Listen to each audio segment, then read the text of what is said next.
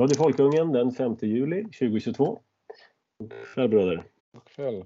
Kväll, god kväll. Eh, Ja, jag förutsätter att ni är i Almedalen. Alla goda demokrater idag. Ja. Sänder från Visby direkt eller? Ja, Ja, jag hade ingen på skattebörs. ringmuren. Det Vad kändes, sa du Sven? ja, jag hade ingen skattebörs att ta till och jag vill inte spendera mina egna pengar på Almedalen så jag hoppar över det. Ja, Ja, ja, men det, det är just själva grejen att någon annan ska betala. Ja, rosévin ja, jag är ju bara gott om det betalas av skattepengar. Precis. Hörrni, eh, det har en dans där. Pal, Paludan. Paludan. Han har varit där och eldat lite, lite koraner vad jag förstår. mm. Men kravallerna uteblev.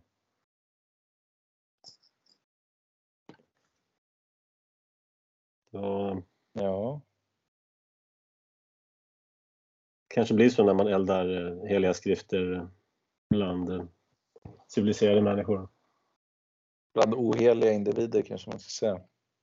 Ja, just det. Ja, Kafirer. precis. Är det någon som har erfarenhet av Almedalen? Någon som har varit där någon gång och sett jippot?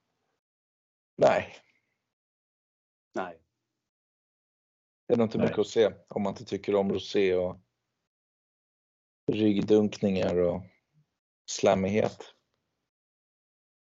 Det, det kan nog man faktiskt vara ett av, dem, ett, ett av de ställena jag minst av allt skulle vilja vistas på faktiskt. Tror jag. Mm. Eh, vi har, eh, det kom ut en eh, undersökning här, den här SOM-undersökningen. Eh, någon som kan förklara vad det är för någonting? Det är en nationell attitydundersökning. Ja, SOM-institutet de eh, har ju koll även på medier och sånt där. Så att,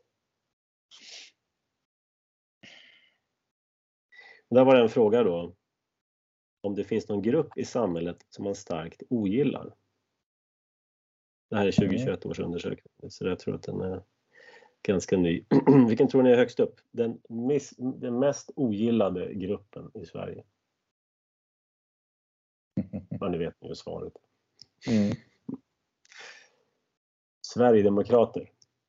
ja, 22, Chockerande. 23 procent 23 procent av svaranden här, av 1500 tyckte att Sverigedemokrater det var något av det vidrigaste som finns.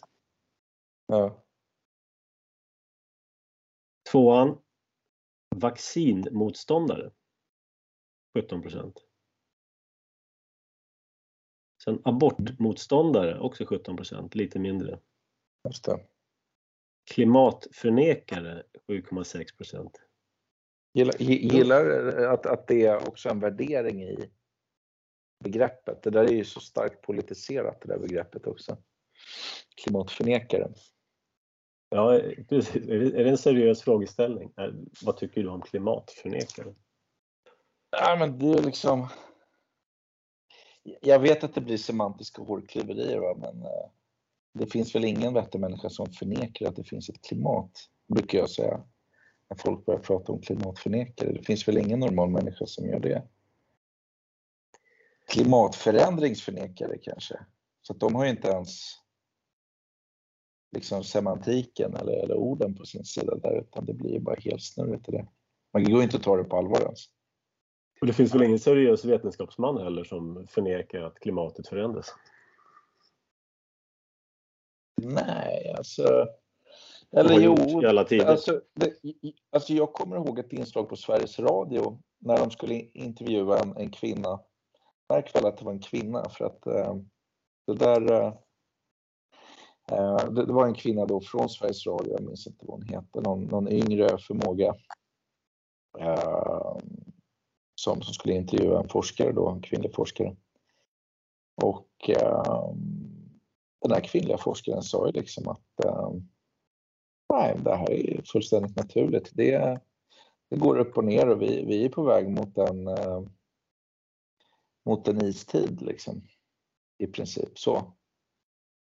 Ehm, och hon blev helt hysterisk den här ehm, kvinnan på Sveriges Radio. Bara, ja, men så här kan du inte säga, det, det här kan inte vara sant. Ehm, hur, hur har kommit fram till de här eh, resultaten?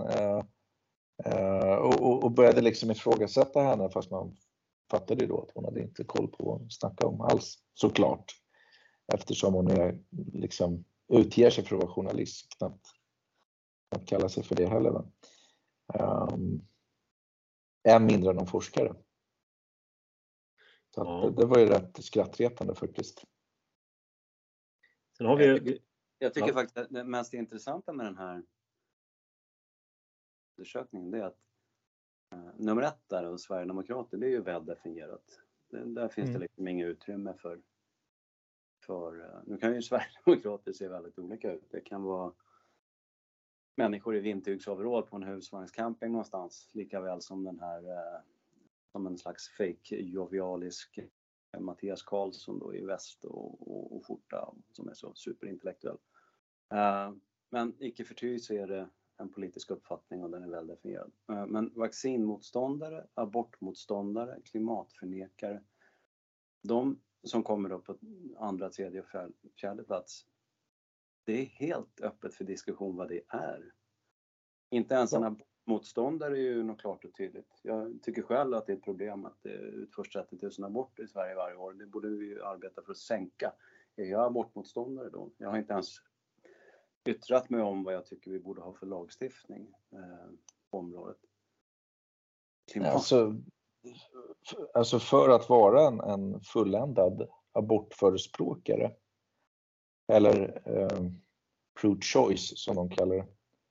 Då måste det i princip stå för att kvinnan ska kunna göra abort fram till födelseögonblicket, så som man kör på i New York. Du kan i princip dra ut en unge som skriker. Och... Men, så, men, ja. ja, men för, för, för att bara avsluta där. Och de valen då av svar tillåter de här statsvetarna i, på, heter det SOM-institutet, tror jag.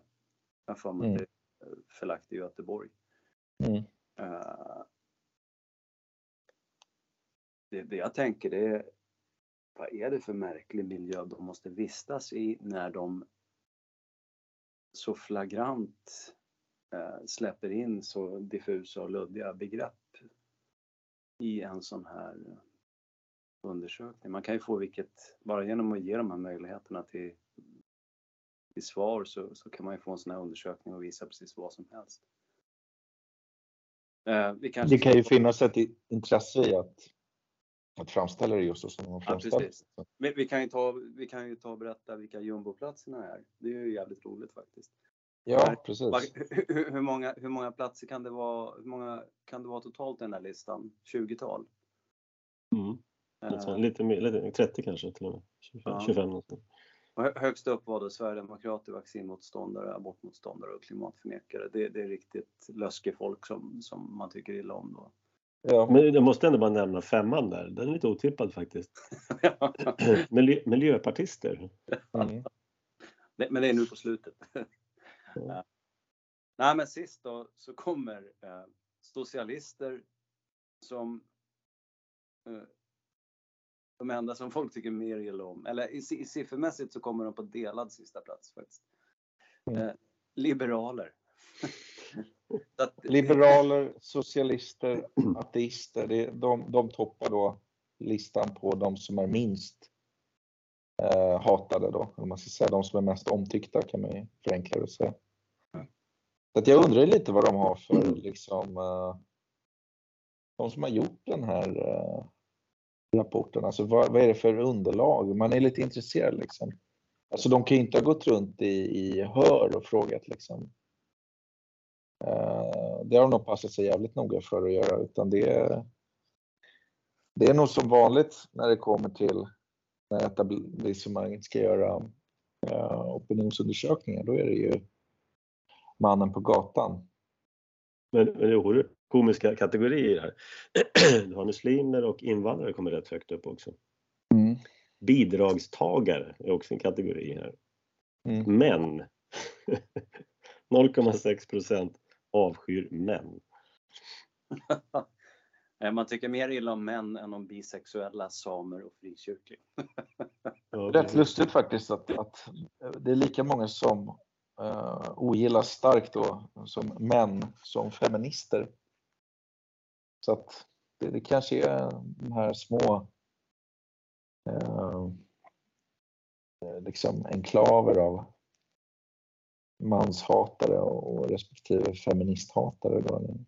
Ja. Runt 0,6 procent. Vi kan ju förtydliga också att uh, i en kommentar under den här, det här diagrammet, då, vad vi ska kalla det, så, så, så står själva frågan som de som har svarat på det här har fått. Och den frågan lyder så här. Här följer en lista med olika grupper i samhället som man kan ha olika uppfattningar om. Är det någon av grupperna ovan som du ogillar starkt? Det betyder ju att det är de här statsvetarna på SOM-institutet som fullständigt då har eh, på bästa råttfångarstil eh, satt ihop eh, den här listan med möjliga svar. Och, och jag menar, vem som helst fattar att man kan få vilket tok som helst. Då. Ja, det är rätt lustigt att de har suttit och knåpat ihop den här listan. Liksom. Alltså, jag kan läsa upp lite här. De har skrivit um, bidragstagare som sagt då, bisexuella, samer, frikyrkliga, uh, köttätare, arbetslösa, jägare, vaccinförespråkare, homosexuella, vapensamlare. Jag visste inte att det var en liksom, grupp i samhället som samlar på vapen. Liksom. Ja, men det, det går att jämställa Den överlappar ju med män också. Ja, precis. Men, men du har så här vapensamlare, kapitalister, romer, bidragstagare. Alltså det är ju väldigt så här polariserande kan jag tycka. Och vad vapensamlare gör där, det förstår jag inte. Varför? Alltså de som har satt ihop den här listan på SOM-institutet, alltså det, det lär ju finnas något litet intressant uh, att gräva i där faktiskt. Vad det är för individer. Vad det ja. för uh, motiv Statsvetare. Eh, har ni, är ni uppdaterade på vad som händer i Nederländerna? Som hastigast bara. Det är väl, de satt in militären mot eh, kritikerna där va, eller hur? Ja, det som händer är ju att eh, staten har fått för sig att stänga ett antal jordbruk. Jaha. För att rädda miljön. Då. Eh, och så har då folket gaddat ihop sig mot överheten och rullat ut traktorerna på motorvägarna och demonstrerar. Eh, och staten då mobiliserar eller rullar ut sina pansarfordon. Ja. Och det här är ju... Jag vet inte, det är så många aspekter av den här grejen att eh, för det första har du det här med, med privat egendom. Liksom. Rätt till egendom. Ja, det är inte värt så mycket längre tror jag. Att nyttja din egendom. Nej, you will own nothing and you will be happy. Ah. Så du har mark, du har ett jordbruk som har drivits i generationer och sen så plötsligt så, nej, det är slut med det. Ja. Ja, det, det här med försörjning och, och, mat och sånt, det, liksom, vad är tanken? Man kan alltid importera mat eller hur resonerar de här människorna? Ja, men det är väl skalbaggar och maskar och så som man eh, labbodlat kött och, och kornbiffar liksom. Det är, väl, det är väl sånt vi ska äta. Och ris som har fraktats då från andra sidan jordklotet. För det, mig veterligen så odlas det inget ris i, i närområdet i alla fall. Och det, här då samt, och det här då samtidigt som eh, världens logistikkedjor är paj och eh, import, export, ha, världshandel inte fungerar och mm. det talas om svält och eh, matbrist. Ja, man undrar lite hur de tänker. Alltså Holländarna, de, de har väl den här eh, Rutte va? Heter han. Deras premiärminister nu. Och han har ju varit i lite blåsväder förut också. Han blev ju ganska ordentligt dittvålad av en uh, ung riksdagsledamot angående sina täta brevkontakter med Klaus Schwab. Uh, och det här förnekade han ju och stod och ljög inför parlamentet då. Och, uh, den här uh, skarpa unga riksdagsledamoten, jag kommer inte ihåg vad han heter nu, hade ju på fötterna så han kunde ju verkligen sätta dit honom och, och svetten lackade ju och sådär. Så det, på, på Rutte då, alltså deras premiärminister. Så det verkar vara ett ganska genomkorrupt land det där och det, det blev ju bara ännu mer um, tydligt nu. Äganderätten den är liksom villkorad på något sätt. Den är inte bara villkorad, den är, ska man säga, den är slumpmässig. Ja, det, det är fritt och, och eh, och liksom upphäva den om du känner för det. Om det är eh, liksom något eh, populär politiskt någon populär politisk liksom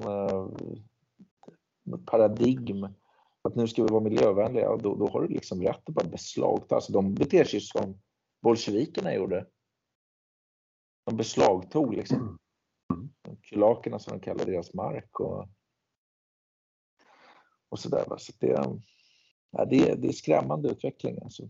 Det är väl bara en fråga. Alltså, Sverige har ju den där problematiken sedan tidigare att, att äganderätten är så otroligt svag i Sverige. Om staten får för sig att de ska bygga en järnväg och dra den över din mark, då tvångsinlöser de det vare sig du vill eller ej. Liksom.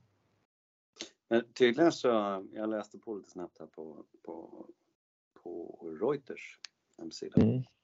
Tydligen så eh, har man då jagat eh, utsläpp av kväveföreningar i, i, i många år.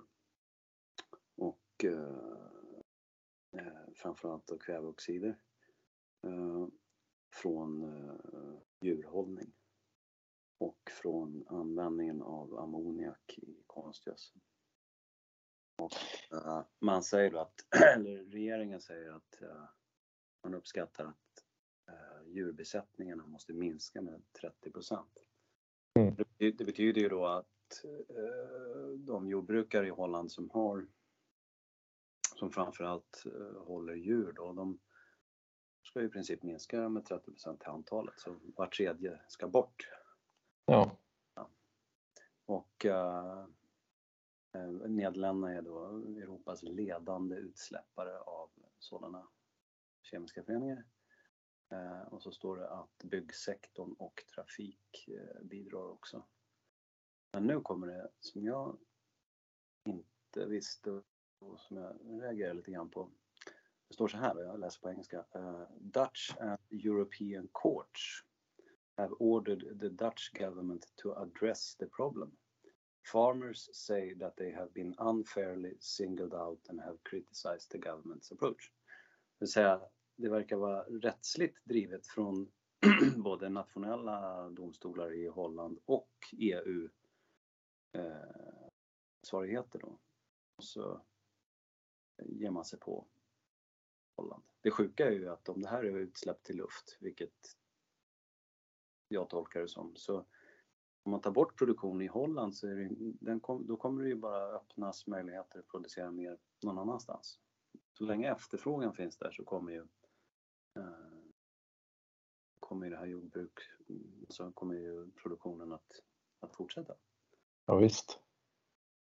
Så att det är ju någon sån här, det är den här religiösa inställningen att att uh, oj, vi, liksom, vi syndar, vi måste göra någonting åt vår synd.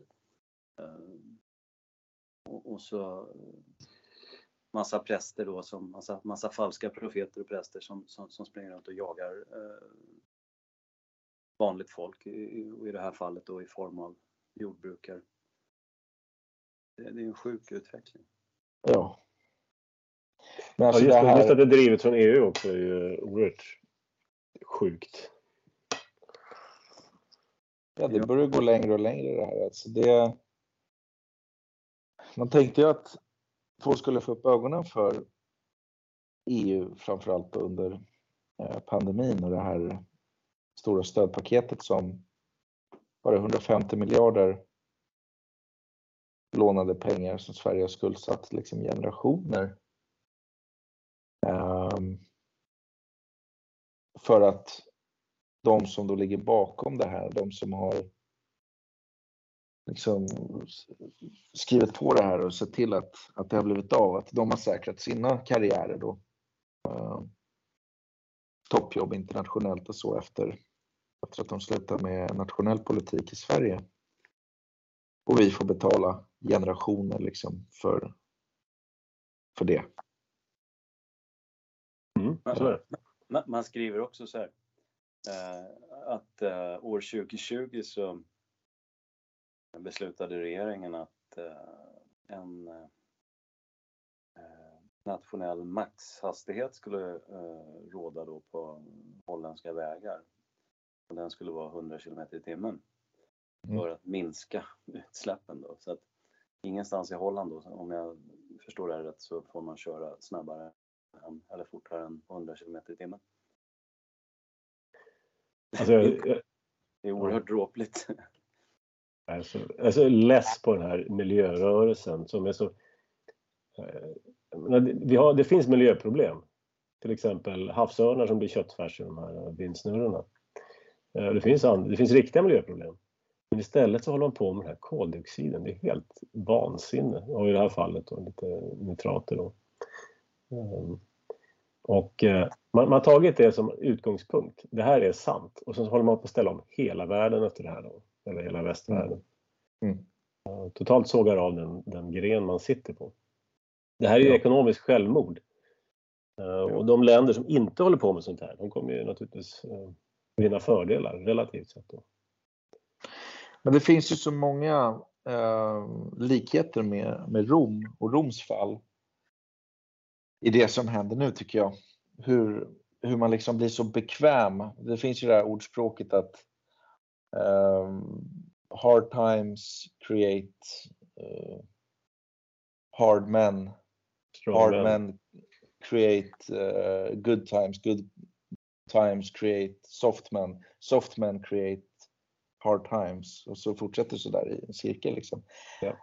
Um, det, alltså det, det som är lite intressant med det där är att um, i Rom så, så finns ju det där fenomenet också. Man började liksom med någon form av, inte välfärd, utan med ett bidragssystem. Man började liksom prägla en massa pengar. Kan se liksom under Roms glansdagar så var det såna här stora fina välpräglade silver och guldmynt.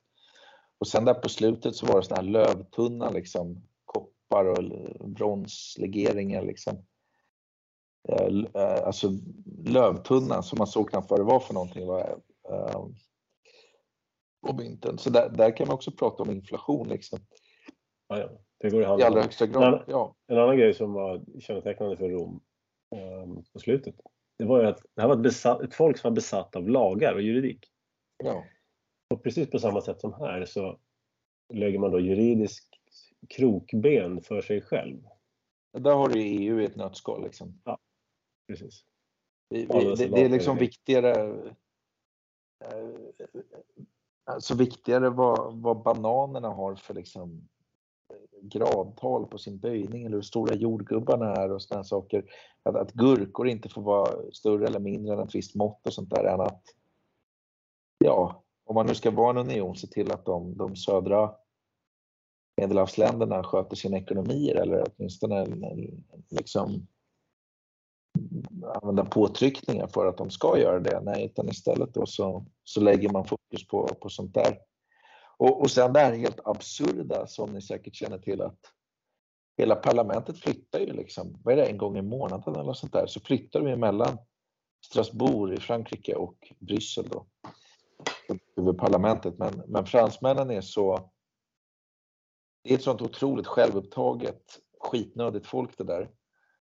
Eh, så, så de måste ju ha det där, den här bekräftelsen att, att parlamentet ska minsann ligga i Frankrike också ibland. Så att, jag, alltså jag har haft siffror på hur mycket den där flytten kostar varje gång. Då.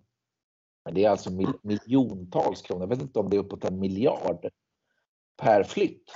Alla de här liksom lastbilskaravanerna fulla med dokument som liksom ska köras fram och tillbaka mellan parlamenten och sen lastas upp och placeras ut så att de ligger på rätt plats och så vidare. Och sen ner igen och så vidare. Så att, alltså det, det är ju så bisarrt allting. Alltså det är en sån bisarr organisation. I sin linda liksom. Alltså det, det finns ju ingen... Alltså EU skapades ju som ett fredsprojekt efter under kalla kriget kan man väl säga, efter andra världskriget för att som någon kol och stålunion mellan Frankrike och Tyskland. För att de två länderna aldrig skulle hamna i krig igen. Och det där börjar man ju mer och mer förstå att det är ju bara ett dumt svepskäl. Va? Det här har ju liksom, jag vet inte. Ja men det handlar om att bygga ett, bygga ett socialistiskt imperium. Det, är det, det, har. det, var, det var kanske de, de tog, tog, över där, där Hitler la ner liksom. Med det här med... Det var, var kanske en god tanke från början men uh, jag vet inte. Den jag tror aldrig att det har varit en god tanke. Nej, det kanske inte ens var det från början. Men nu är det i alla fall något helt annat. Ett socialistiskt imperiebygge här. Ja. Um, Britter, britterna såg ju det där och hade liksom ballar nog att lämna det. Va? Men vi svenskar, vi har faktiskt skrivit in i grundlagen att vi ska vara med i EU. Det är ganska, ganska intressant också faktiskt. Ja, precis. Sätta en fotboja på sig själv fast ingen har tvingat oss. Precis. Jag, har hamnat om, om... på Jessica Stegruds eh, lista av någon anledning, så jag ser hennes grejer i mitt eh, flöde ibland. Mm. Eh, hon sitter där i parlamentet och gnäller över att EU är så dumt. Och sen så föreslår man om du kanske skulle verka för ett utträde. Vad sägs om det? Nej, men det går inte. För det, det, det, folk gillar EU. Ja, men vänta nu. Din uppgift är väl att driva opinion för någonting som du ser är bättre. Ja. Och inte sitta där och gnälla och, och liksom hösta in månadslön och traktamenten. Ja, då, var jag, då var jag, jag var oförskämd. Ja. Men det är bara att titta på vad de har för ledamöter där. Eh, SD har ju tre stycken som sitter i Bryssel. Det är dels den här korpulente lastbilschaffisen som jag inte vet vad, vad han har gjort liksom under de vadå, åtta åren han har suttit där, mer.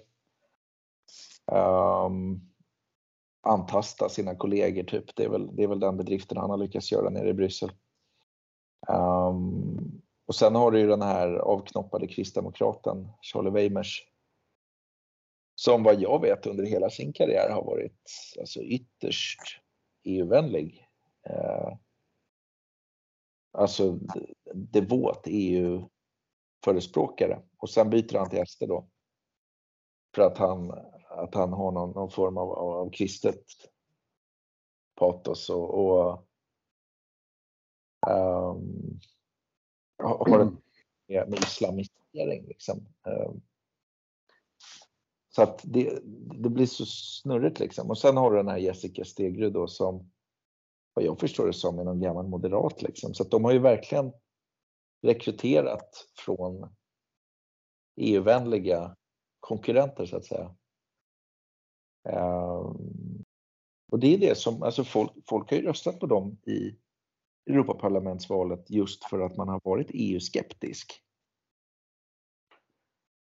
Men ja, ja, ehm, just, just. det finns inte så mycket EU-skepsis kvar där faktiskt, utan man är så otroligt besatt av det här från SS sida då alltså.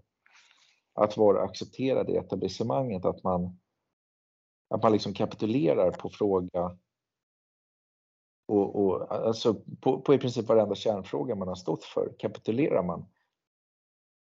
Eh, uh, EU-motståndet till exempel, abortmotståndet, um, NATO-motståndet och så vidare och så vidare. Va?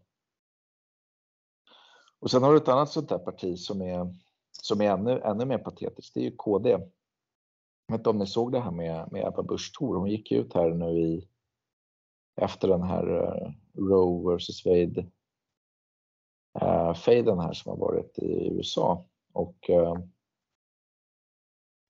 höll upp nå någonting som det såg ut som hon suttit själv och knoppat ihop på sitt, sitt riksdagsrum där. Eh, något liksom halvslaskigt dokument liksom som är, jag vet inte, Comic Sans typ, gjort i Word, utskrivet som hon själv har signerat då. Det här är ett avtal mellan mig och Sveriges kvinnor och jag uppmanar samtliga andra partiledare att skriva på det här och det är att aborträtten ska aldrig röras Och det kommer liksom från ett parti som har velat inskränka kraftigt eller till och med förbjuda aborten. Så att de har ju också kapitulerat i, i,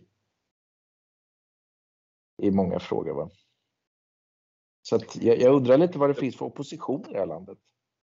Ja, men det är så fruktansvärt eh, fånigt alltihop. Dels det här att man importerar amerikanska, eh, ja, amerikanska politiska frågor. Black Lives Matter eller vad det nu må Mm. vara. Man, man till och med approprierar hela retoriken. Det, blir, det är så, ett sånt djävulskt trams. eh, Bara, bara obegåvade människor som, som, som, som bär en sån Mm. politisk kultur. Liksom men, men det är också rätt intressant för att alltså, om, om vi kortfattat bara ska beskriva vad det där handlar om egentligen så är det ju att man har alltså rivit upp en lag från 70-talet tror jag som ger Alltså man, man, det, det var en federal lag som, som gick ut på att det, det skulle vara en, en nationell bestämmelse om när och hur och varför man skulle få göra abort. Och det, det enda som har hänt nu det är att man har rivit upp det här och decentraliserat den lagen. Som gör att, alla dels, att, att, att delstaterna själva får välja. Så det, det är så märkligt. Vi har, vi, har Förlåt liten, Sven, jag avbröt dig. vi har en liten text ute som eh, diskuterar det här, så den kan ni läsa. Om abort. Som går igenom hur det där... Det var en olaglig lag, så att säga. Den, strider, den ger inte den federala staten rätt att stifta lag på det här området. Så Nej. att, eh, Sven, du hade något på gång? Det, det är ju ett perfekt exempel på när, när eh, ska vi säga, mainstream intellektuella i vårt land ska ifrågasätta demokratin helt enkelt i ett annat land. Eh, det är lite som med, med den gamla T-Forden, du kan få det vilken färg du vill, bara det är svart.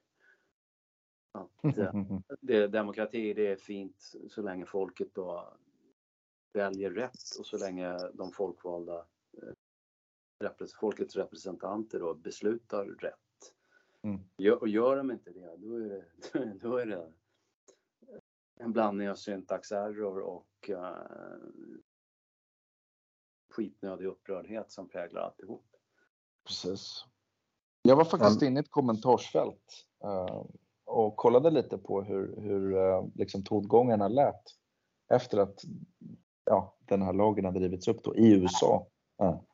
Men i ett svenskt kommentarsfält till en svensk tidning i alla fall. Och eh, då var det någon som, som började grina då, en, en medelålders man. Eh, om hur hemskt det här var och vilket, vilket otroligt bakslag för demokratin det här var.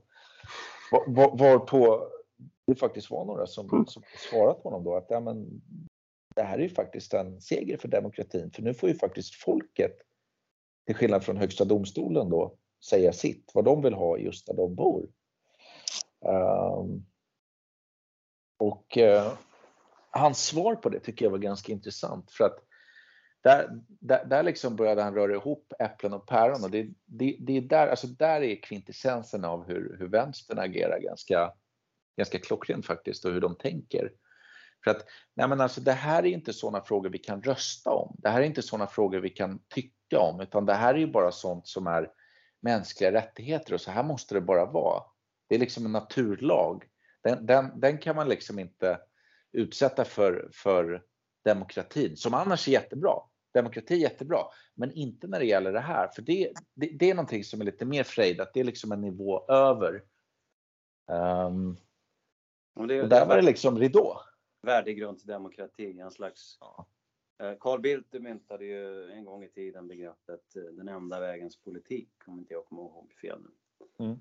Eh, och och det, det här, alltså värdegrundsdemokratin är ju en slags variant på det. Eller ja, har utvecklats till det kanske man kan säga. Att, att eh, samhället ska liksom bestämma något slags inhägnat område då som avgränsas av ett stängsel och eh, där innanför ska banne med eh, kritter och fän i folket befinna sig. Och är de väl där inne så får de leka rommen av sig med vilka åsikter som helst som ryms inom det här stängslet. Men, men ingen ska få för sig att de kan kliva där utanför. Precis. Men det, det är ju inte... För, princip, Väldigt, väldigt bra summerat. Eh, jag menar, det är det här vi hävdar, fast i mer fundamentala frågor, om man säger så. Då. Rätten till egen, egendom bör ju vara skyddad på det sättet. Mm. Rätten till min kropp och medicinska ingrepp bör vara skyddat på det sättet. Inte bara aborten, utan alla medicinska ingrepp på min kropp och krav på preparat och mediciner ska ju vara skyddat. Det är sånt. Men här är det bara det är värdegrundsfrågorna nu som, är, som, är, som ska skyddas då. Ja, och man brukar ju anklaga folk, alltså framförallt på högerkanten, för att vara populister. Men vad är inte det här om populism? Alltså man, man talar ju till, till ett klientel av kvinnor som uppenbarligen inte förstår vad preventivmedel är för någonting eller inte förstår liksom den, den basala eh, alltså det basala konsekvensförloppet av att man har oskyddat sex så kan man bli med barn. Och har man det med någon man inte vill ha barn med så, så kan det bli en tråkig situation. Liksom. Och det, det är lite så här, nej men man, man, ska ha rätt att, att ångra sig även om man har gjort ett dumt val. Ja, men alltså, då kan vi dra det hur långt som helst. Alltså, ska man kunna gå och kniva ner någon på stan då och säga nej men det där var dumt, jag ångrar det så att, så att nu, nu vill jag ha ett frikort här liksom för att det, det, det, det är så jag känner. Liksom. Uh, alltså, det är en del av det som det innebär att bli vuxen och, och vuxen blir man ju ungefär ja, oftast några år efter att man blir att man har möjlighet att skaffa barn så att säga rent uh, fysiskt. Uh, och då får man väl helt enkelt börja förstå att det är eget ansvar. Liksom. Jag måste bara, ja, förlåt. Jag måste bara få kommentera det här med populism, för det, det tycker jag är, är, det används ju som ett allmänt slagträ och skällsord av Ja. etablissemanget mot de som i- ifrågasätter etablissemanget och vill eh, ja, störta, störta eh, ett maktetablissemang. Då, även, om än med demokratiska metoder. Så att säga. Eh, Men populism är ju bara en folklig uppfattning, alltså en, en uppfattning som återfinns i, i, i breda folklager och som bygger på ett missnöje. Och om man då backar i historien då. Jag kommer själv från en, en om man ska leka lite marxist här då. Kommer från en klassbakgrund med, med egendomslösa eh, arbetare och lantarbetare Mm. under liksom hundratals år. Då. Och, och eh, när väl den klassen eh, ryckte sig upp ur misär och fattigdom, då, då var ju det för att de ägnade sig åt populism, alltså ett brett folkligt missnöje. Eh, ha, ha, Sossarna alltså. Ja, ja precis. Ha- Hade, hade de här eh, kvartsfigurerna som, som, som är den intellektuella klassen i, i mainstream-media då, hade de suttit med cylinderhattar på slutet av 1800-talet där eh, så hade ju de betett sig precis som de här riktiga liksom, överklasslämmen då och pratat om pöbelns populism. Uh, precis som de gör idag. Och det- jag har många, många gånger tänkt att den här hö, hö, hö, ja, kritiken från höger mot, mot vad ska jag säga, sossesamhället och det socialliberala samhället idag. Den är ju det, alltså det är vår tids variant av den kritik som kom från vänster eh, under andra halvan av 1800-talet. Ja. Det är rätt kul med, med de här socialdemokraterna från, från förr också om man tänker på Branting och, och de där liksom riktiga proletärsossarna. Um, ehm, visst att de klädde sig folkligt när de skulle prata med folket. När de sitter där på sina konseljer och sina fina middagar i, i det politiska livet, då, då var det ju definitivt finkläder och monokel på liksom. Det gick inte att skilja dem från frisinnade eller bondeförbundet eller högern eller någonting. Utan det var ju samma, samma skit precis som idag. Ja, och för, från det att man införde det, det som vi historiskt kallar för allmän och lika rösträtt, även om det inte riktigt stämmer. Men det var ju 1921. Eh, det var ju grupper som fortfarande var undantagna då, men, men uh, låt säga att demokratin infördes 1921. Så det stod ju inte på... Alltså, det var ju bara en grisblink i historien, 20 år eller någonting, så, så, så var ju liksom sossarna ett, ett etablissemang och, och, och, och liksom den här korrumperande mekanismerna då i, statsapparat och, och kommuner, de, de malde på liksom. Och, eh, transformationen var väl fulländad vid, vid, ja, fem, på 50-talet liksom. Ja. Och, och sen har det väl egentligen bara gått ut för.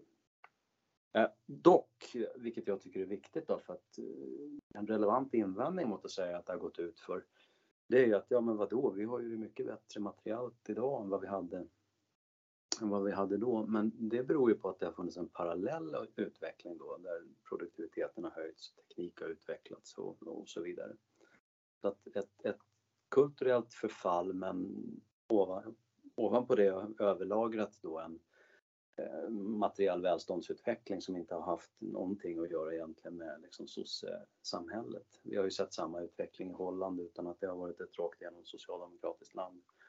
Uh, så att uh, man, man, får hålla de här olika uh, utvecklingskurvorna liksom i, isär och inte låta sig förblindas av att det har funnits en allmän teknisk uh, utveckling då som har främjat oss. Det är till och med så att den, den allmänna välståndsökningen har gjort det möjligt för den här svällande sosseapparaten. Ja, de, de, de, medlen fanns inte innan. Det, det, är ett tveeggat svärd. Ja. Härande och närande. Ja, precis. Eh, mm. Då ska vi se. Du hade någonting om... Eh, du hade någon fundering om eh, regeringsbildning här, Dennis, som du nämnde innan. Ja, det är lite det här med SD. Vi har ju redan varit inne på det och pratat rätt mycket om det. Ja, ja det har vi gjort. Mm. Ja. Men um, det, det, är just det här med Ulf Kristersson och, och, och Busch Thor för den, eller Busch som hon heter idag. Det är viktigt att hänga med i de där eh, svängarna. Eh, att, att de är eh, tämligen eh, överens då om att, att de behöver Sverigedemokraternas stöd efter 11 september. Ehm, men man tänker inte ge dem några ministerposter alls. Um, och alltså KD, ett, ett mer så här schizofrent parti får man ju leta efter. Ehm, de saknar ju verkligen identitet och ideologi. De vill ju på något sätt, alltså de är ju sprungna ur frikyrkorörelsen, kommer från, från pingstnästerna runt Jönköping och, och, och däromkring. Um, och där någonstans så var ju KD ändå ganska stabilt i, uh, i vad de stod för. De, de, är, det, är det inte eh, dags att ta bort det här prefixet krist och bara kalla dem för Demokraterna? Det är, inte mycket, det är inte mycket krist kvar där egentligen. Nej, det är inte det. Alltså Ebba Busch har ju någon sån det, det, kanske bara, det kanske bara skrämmer folk dessutom. Ja, alltså, då, alltså internt har det pågått en diskussion om man ska byta namn, men antar att det var samma, samma stjärna som ritade deras fina logga också. Eh, som kom fram till att, eller ett, ett förslag då var familjepartiet Kristdemokraterna. Så det blev bara ännu längre och ännu mer luddigt och diffust. Liksom. Um, men förr i tiden, alltså tänker Alf Svenssons tid och, och, och, bakåt, liksom, kanske till och med lite Göran Hägglunds ledarskap, då var ju KD ändå ett, ett liksom kristligt parti, inte ett kristet parti, men ett kristligt parti som hade kristna värderingar i sitt partiprogram. Man var emot abort till exempel, man eh, värnade kärnfamiljen och man var traditionellt liksom mittenhöger i många frågor. Sen så vann ju den här liksom, eh, vad ska man säga, nyliberala, ny, nykonservativa, neokonservativa falangen striden om KDU, alltså deras ungdomsförbund. Ledda av, av den här faktiskt Charlie Weimers som vi har pratat lite om förut som nu sitter i parlamentet för SD. Um, och där någonstans så började ju deras ideologiska omvälvning. Liksom. Um, de är tydligen de väldigt splittrade idag. De är jättesplittrade. Alltså det, så som jag förstår det så finns det två falanger i det där partiet. En är då den här frikyrkliga falangen som företräds av ett antal personer. Eh, och sen har du den här lite yngre falangen som, som kommer direkt ur ungdomsförbundets kader då. Och där ingår ju bland annat Ebba Busch. Eh, hon har ju suttit som vice förbundsordförande och sådana saker tillsammans med många av de här Skyttedal och Charlie Weimers och de där figurerna. Och där någonstans, alltså de, de sneglade ju liksom åt Reagan och Thatcher och, och Winston Churchill. De, det var väldigt sådär liksom bombastiskt och man skulle liksom eh, traditionellt borgerlig och man skulle vara tryggt på gatorna och vi skulle ha mer övervakningskameror och vi skulle ha ett starkt försvar och det var liksom väldigt sådär uppblåst liksom. Så, så man kan tänka sig en sån här liksom studentikos eh, sammanslutning nästan, alltså som jag vet inte, MUF-föreningen på liksom Östra Real på 80-talet. Liksom. Lite det stuket ville man ju komma till. Va? Uh, och de, de har flyttat fram sina positioner i KD.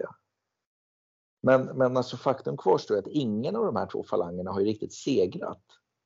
Och ingen av de två falangerna vet ens riktigt vad de vill tror jag. För att KD har ju pratat öppet om att man vill samarbeta med SD. Och sen vill man inte det och sen vill man det igen.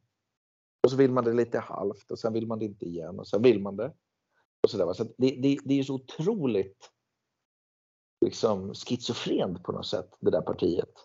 Och det är antagligen därför också som de ligger och väger verkligen på, på den här 4 spärren för att de är så otroligt svåra att placera. De säger en sak och lockar med sig lite folk och sen så svänger de med den frågan så skrämmer de bort folk igen. Och folk är inte så intresserade av att eh, av skojare liksom. Så att det, det gör ju också att man skrämmer bort folk permanent. Tror jag. I alla fall de som är lite insatta i politik. Och kollar på, ja, vad vet jag, nyheterna. Läser lite på nätet. Ser ju någonstans att, att KD är ett, ett otroligt ambivalent och labilt parti med ett ytterst svagt ledarskap i alla avseenden faktiskt. Och sen har du Kristersson då, som faktiskt, jag får ge Morgan Johansson rätt där. Uh, jag vet inte om ni har sett det där i, i kammaren. När uh, den här uh, Johan, vad heter han? Johan Forsell heter han. Fram till Morgan Johansson efter att de har haft någon sån här liten debatt där i riksdagen och så väser Johansson då, ja men du jobbade ju för fan för Reinfeldt. Uh, och, det, och, det, stämmer ju. Alla de där gjorde det. Kristersson, uh, Forsell uh, och, och, övriga i, i det där regeringsunderlaget från Moderaterna. De har alla varit med på det. De har alla tillhört den falangen. De har alla varit med på att, att Sverige ska ta in exempelvis väldigt mycket invandrare, att vi ska eh, åderlåta försvaret till oigenkännlighet. Eh, ja. Och så vidare och så vidare. På tal om partiledare. Ja. ja. Så såg jag en rolig eh, video här när din ledare, din store ledare Sven, blev konfronterad på Arlanda. Har du sett den? Ja, ja jag såg den när den var aktuell första gången så att säga. Ja, den är gammal då? Ja, ja inte jättegammal, men eh, vad kan det vara? Halvår, ett år, något sånt. Han blev konfronterad av en, av en invandrare då som använde ett väldigt eh, färgstarkt språk. Mycket om din mamma och såna här grejer. Jag vet inte vad de får lära sig på SFI men eh, verkar som att de kanske behöver uppgradera sina glosor lite. Mm. Men vem var den här figuren? Ja, det är ju det som har blivit en nyhet igen då. Att han, det visar sig att han har varit någon typ av demokratiambassadör. Nu har inte jag läst in, det är ett ord som jag faktiskt har stött på tidigare. Nu, det brukar vara så att de anlitas, eh, att det är kommunerna i valtider som har demokratiambassadörer och det är ungdomar som inte torra bakom öronen alltså som springer runt och ska höja valdeltagandet i, i eh, invandrartäta bostadsområden. Jaha, ja, det låter ungefär som när man har... Ja, ännu roligare är ju att de pengarna kommer nu ska vi se om jag kommer ihåg rätt. De stålarna avsätter regeringen och det brukar ligga runt 50 miljoner har jag för mig. Och mottagarna är de politiska partierna. Så att, de etablerade politiska partierna tar emot stålar för att höja valdeltagandet via bland annat genom att då anställa demokratiambassadörer. Får jag gissa att de här pengarna fördelas proportionellt också till partierna? Det skulle jag tro. Det är ju så det funkar med de här partianknutna organisationerna som Sida ger pengar till. Precis. Det speglar direkt mandatfördelningen i riksdagen. Så för att, för att bibehålla status quo helt enkelt? Ja, precis. Det här är också ett intressant begrepp det här med eh, heter det, heter det, röstdeltagande. Eh, det tydligen är det ett självändamål att ju fler som röstar desto bättre är det. Eh, men i min värld är det ju bättre ju färre som röstar. Men ju fler kriminella och fängelsekunder och våldtäktsmän och pedofiler som röstar, desto bättre är det enligt den här statistiken. Ja, det är till och med så jag tror jag delade någon bild av det här tidigare med er. Eh, Han, ja, det, är, det, är, svårt att berätta en sån här sak utan att hemfalla åt någon slags lyteskomik då, men det, det, det, är inte min mening. Men då ville man höja valdeltagandet hos äh, äh, människor med alltså, intellektuell funktionsnedsättning. Och, och då måste man ju liksom på något sätt gå till, till källan och, och fråga sig, är det, är, är det rimligt? Eh, finns det någon familj till exempel i världen där man skulle praktisera eh, lika rösträtt för alla, till och med om man har en familjemedlem som har en intellektuell funktionsnedsättning? Nej, naturligtvis inte. Man kan inte sköta gemensamma angelägenheter på det sättet. Men eh, där, dit har vi kommit i, i vårt samhälle. Då. Men i demokratin så är det en dygd att, det, att, ja, det, att en intellektuellt handikappade får vara med och bestämma. Mm. Man får aldrig ha liksom någon, i något, inte i något sammanhang så får det, får det finnas då den här just despoten som är en god och dådkraftig, rekorderlig människa och som faktiskt finns i civilsamhället eh, och vår vardag. Många människor har stött på en sån stark kraft i föreningslivet. Då. I en bostadsrättsförening kan det vara en ordförande som har varit ordförande i kanske 15-20 år och sköter det utomordentligt väl med hård hand eh, utifrån kunskaper och förvärvade färdigheter. Va? Och samma sak i många, kan vara någon båtklubb eller eh, jaktskytteklubb eller någonting. Där är det fullt normalt och där ser vi till och med upp till sådana människor och respekterar dem och de flesta av oss vill även ha det på det sättet. Mm. Uh, medans i, i då den här värdegrundsdemokratin så är det någonting fult. Och där ska alla med om. Till varje. Det där är ju väldigt enkelt förklarat tycker jag i alla fall. Um, det är bara att titta på hur Socialdemokraterna har arbetat under hela sin existens. Man har alltid riktat in sig på folk som är lite mindre belästa, lite mindre språkkunniga, lite mindre utbildade och så vidare. Alltså det, det är inte en slump att sossarna valde arbetarna som, som sin första underdog att försvara. Nej, det, men det, det, det är ju så här ska man, ska man ta makten demokratiskt då måste man ju dela upp samhället bland de Du måste ha en massa konflikter. Ja, det måste ha massa konflikter. Ja. Du måste peka på, titta de där har saker som inte ni har. Skulle mm. inte ni också vilja ha det? Rösta på oss så mm. fixar vi det. Precis. Och, eh, så det bygger hela tiden på att sätta upp en fiendegrupp som man kan plundra. Ja, Men till slut har man plundrat så många och liksom jämnat ut samhället så mycket så man måste verkligen skrapa i botten på tunnan. Och då går man efter eh, folk som inte kan läsa, folk som inte kan tänka, folk som inte förstår svenska. Då, då, liksom, ja, då får ja. du ju helt enkelt importera nya röster. Ja, precis. Uh, och det, det är precis det man har gjort. Uh, I form då av ja, folk som ofta inte ens kan läsa eller skriva. Precis. utan att generalisera nu allt för mycket så finns det ju faktiskt ett sådant problem. Det är, det är ingen hemlighet direkt. Och det är inget jag säger för att uh, liksom slå någon på fingrarna eller se ner på någon, utan det är ju faktiskt bara så. Um, och idag så, så, så vill ju sossarna då stå, stå upp för, sossarna har ju alltid velat stå upp för de svaga säger de. Det, det styrks ju lite av det namnet de har också på sitt parti. Men sanningen ska ju fram att, att alla samhällen kommer ju att till största del bestå av individer som är svaga. Så det finns ju väldigt få samhällen där majoriteten av befolkningen är miljonärer. Eller högutbildade. Det finns inget samhälle någonsin i historien som har sett ut så.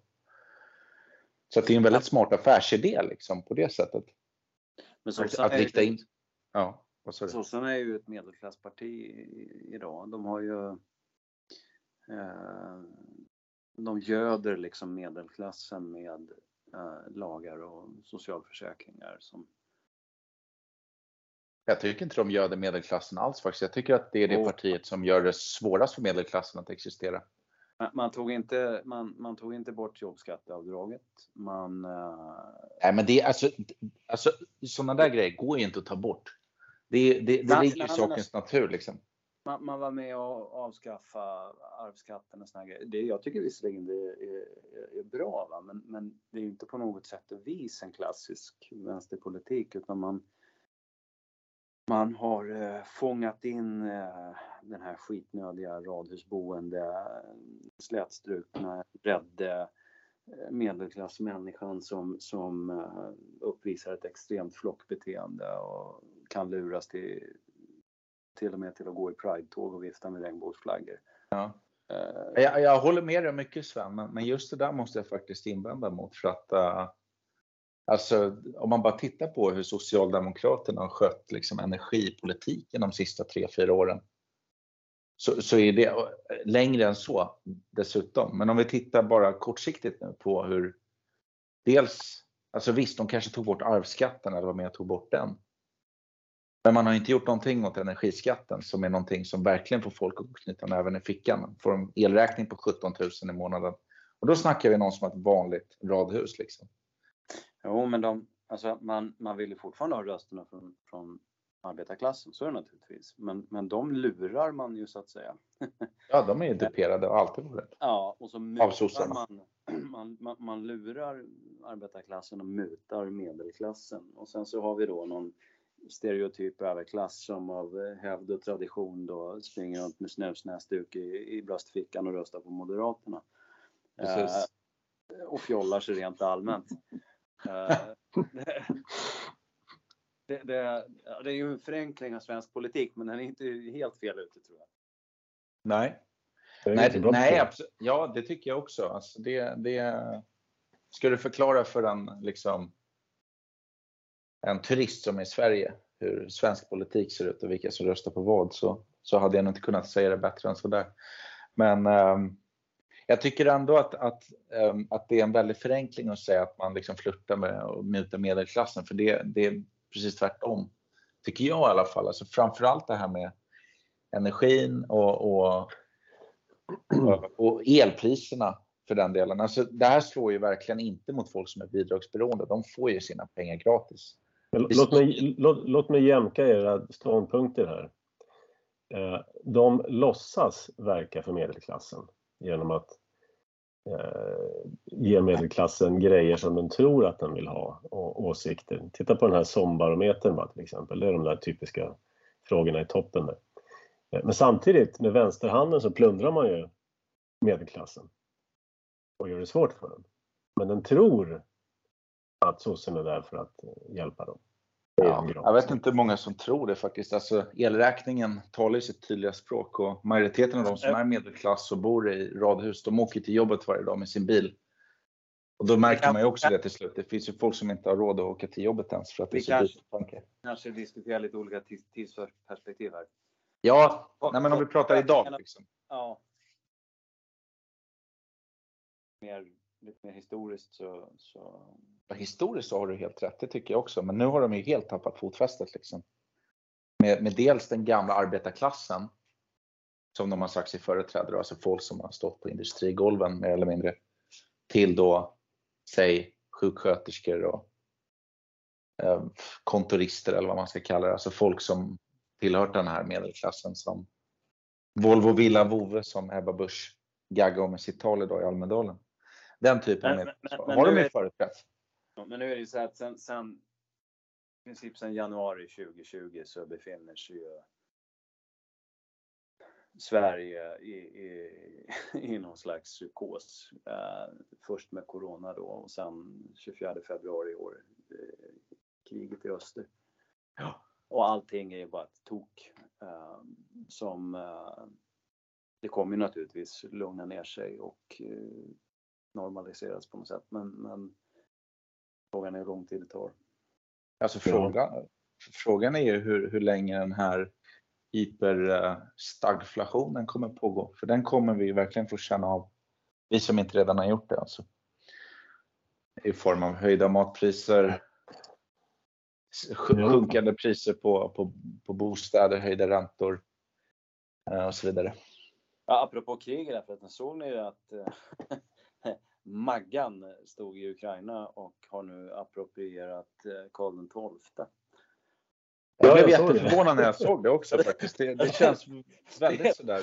Alltså, man har varit, alltså de, de som har liksom, jag har aldrig varit en sån där som har brytt mig speciellt mycket om Karl XII i och för sig, men, eh, men de som har gjort det och tyckt att det har varit roligt att ha som en liten rit- ritual att uppmärksamma han en gång på- per år. De har ju varit alltså, de har ju framställts som eh, möjliga koncentrationslägerbyggare eh, av just Magdalena Anderssons parti. Och eh, nu står hon och eh, gör utrikespolitik av Karl XII med Ukraina.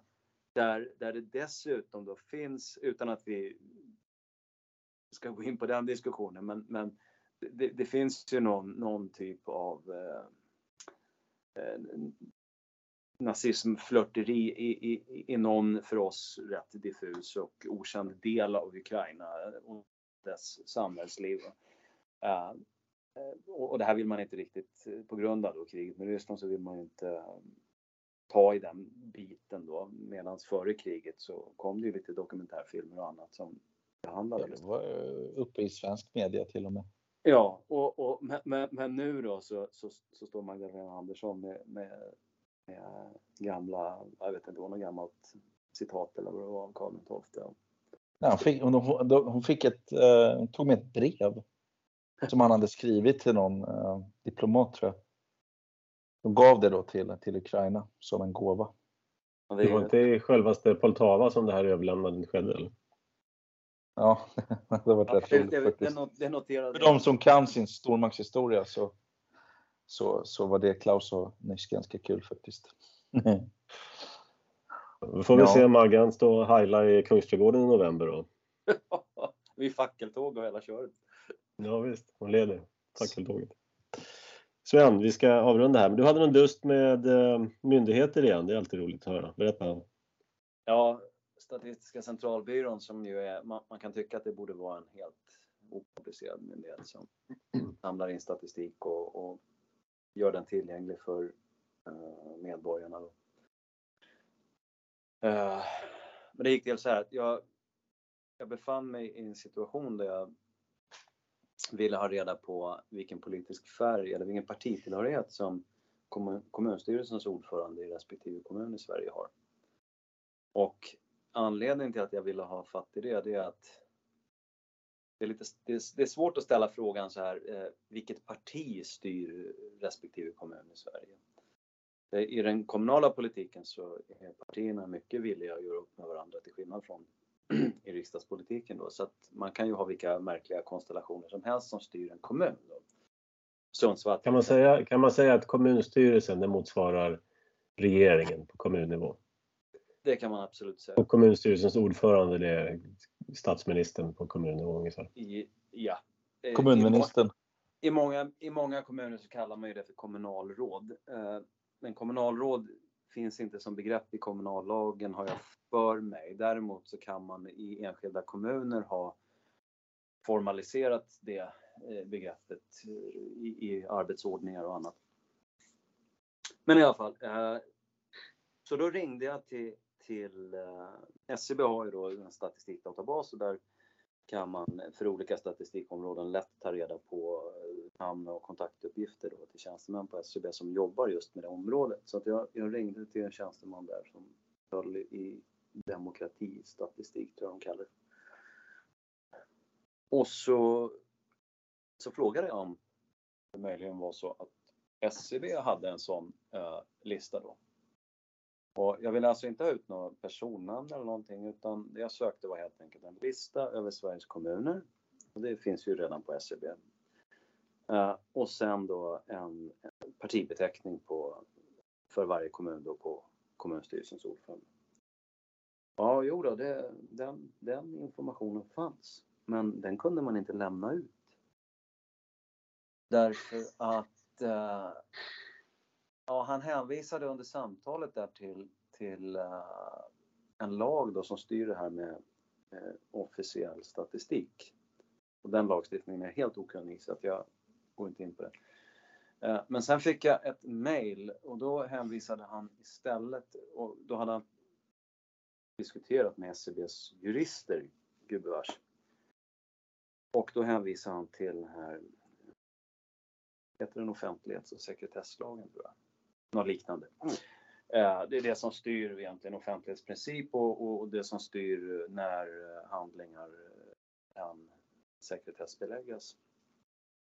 Och där fanns det en avsnitt som berörde just statistik och så hänvisade man till det. Och, och, och ja, jag får inte det där att gå ihop då, men på något sätt då ska det kunna eh, de här människorna då som är inblandade i statistiken ska kunna lida men eller ta skada på något sätt av den här utlämningen. Då, vilket ju det är helt sjukt. Va? Alltså, så att vi, och poängen egentligen där, vi lever alltså i ett land som har 290 kommuner, indelat i 290 kommuner. Som enskild medborgare så kan man inte på ett enkelt sätt ta reda på och få presenterat alltså vad har kommunstyrelsens ordförande för partitillhörighet i respektive kommun. Du måste gå in och titta manuellt på 290 kommuner. Uh, vilket ja men det är ju rubbat. Liksom. Alltså det, det, informationen är ju inte ens hemlig, det är bara ett jobb att göra det här manuellt. Och den finns redan. Den finns redan. Men av, av demokratiska skäl kan du inte få del av den. Precis. Och så hänvisade han, vilket ju också då är roligt, till, till ja men du kanske kan höra med SKR. Och då för Readers kommer det komma en text på Folkungen om SKR. Det är alltså Sveriges kommuner och regioner, tidigare SKL, Sveriges kommuner och landsting. Det är en, en ideell förening vars medlemmar består av kommuner och regioner. Och för dem så gäller inte offentlighetsprincipen.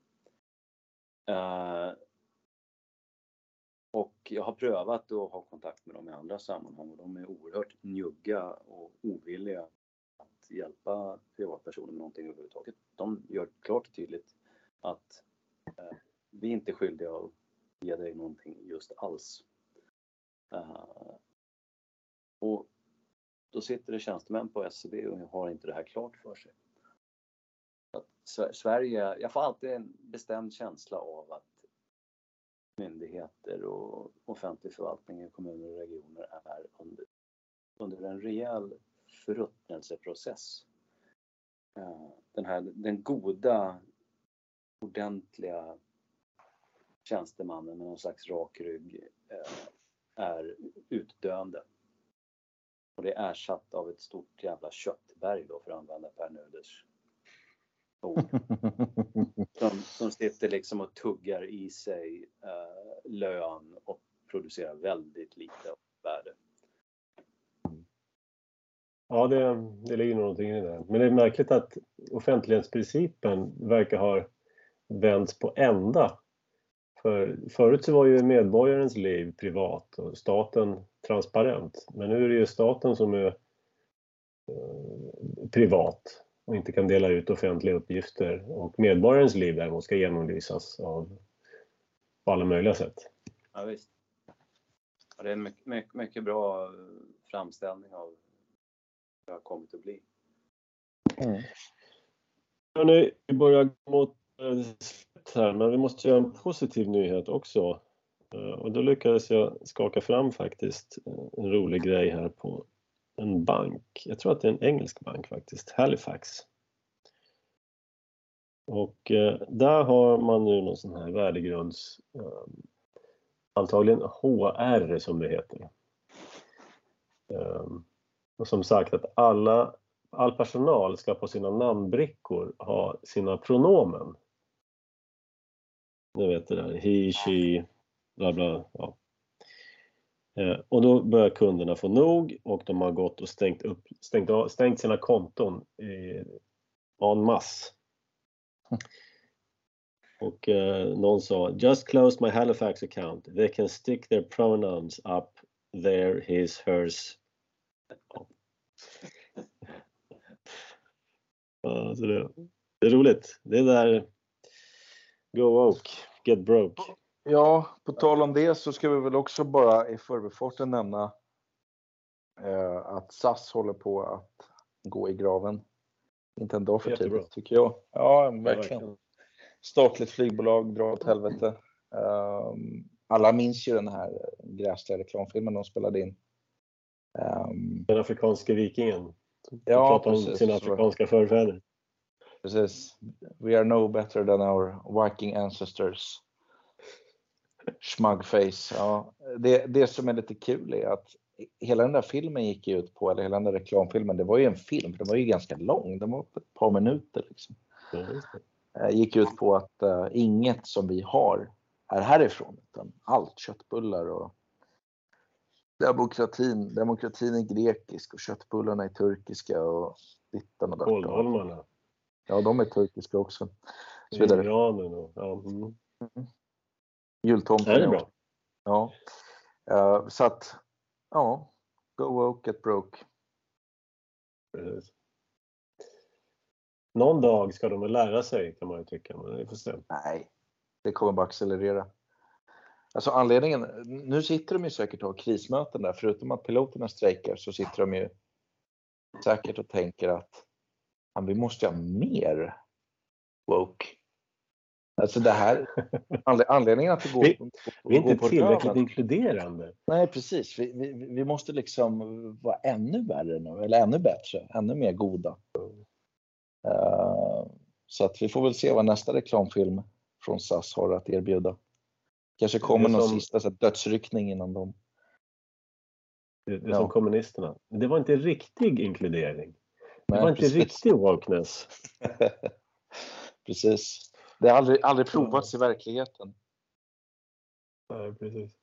Alltså tänk, nu, nu, nu är inte jag någon förespråkare för nazism, det vet alla som lyssnar på det här, men det, det, det vore så kul om, om, um, om typ så här, folk i nordiska motståndsrörelsen skulle liksom stå och hävda att nej men det där som hände i Tyskland, det var aldrig riktig nazism. Alltså, det, alltså nazismen har aldrig provats i verkligheten utan, utan det här är Alltså det, bara vi får göra det, då kommer det bli bra. Liksom. Och, och, och det tyskarna gjorde, det var, det var något annat. Liksom. De bara approprierade den här ideologin. Utan, det var bara en halvmesyr. Precis. Vi skulle göra det mycket värre. Så. Nej, men um, det, det, är lite kul faktiskt, för det där är något kommunisterna säger hela tiden. Det har aldrig funnits något kommunistiskt land. Det har aldrig provats i verkligheten. Ja, jag vet inte mm. vad man ska tycka om det. Men eh, Bättre sätt snack. att avsluta denna sändning på kan väl knappast åstadkommas. Nej, jag tror inte det heller faktiskt. Det... Hoppas att ingen blev, blev förolämpad, kränkt, sårad, uh, fick ont i knäskålarna och så vidare. Gott så. Vi har varit lite lata den här sommaren, men eh, vi ska bättra oss. Målet är ju en, en i veckan så att, um, hoppas mm. komma ut snart igen. Tack för ikväll!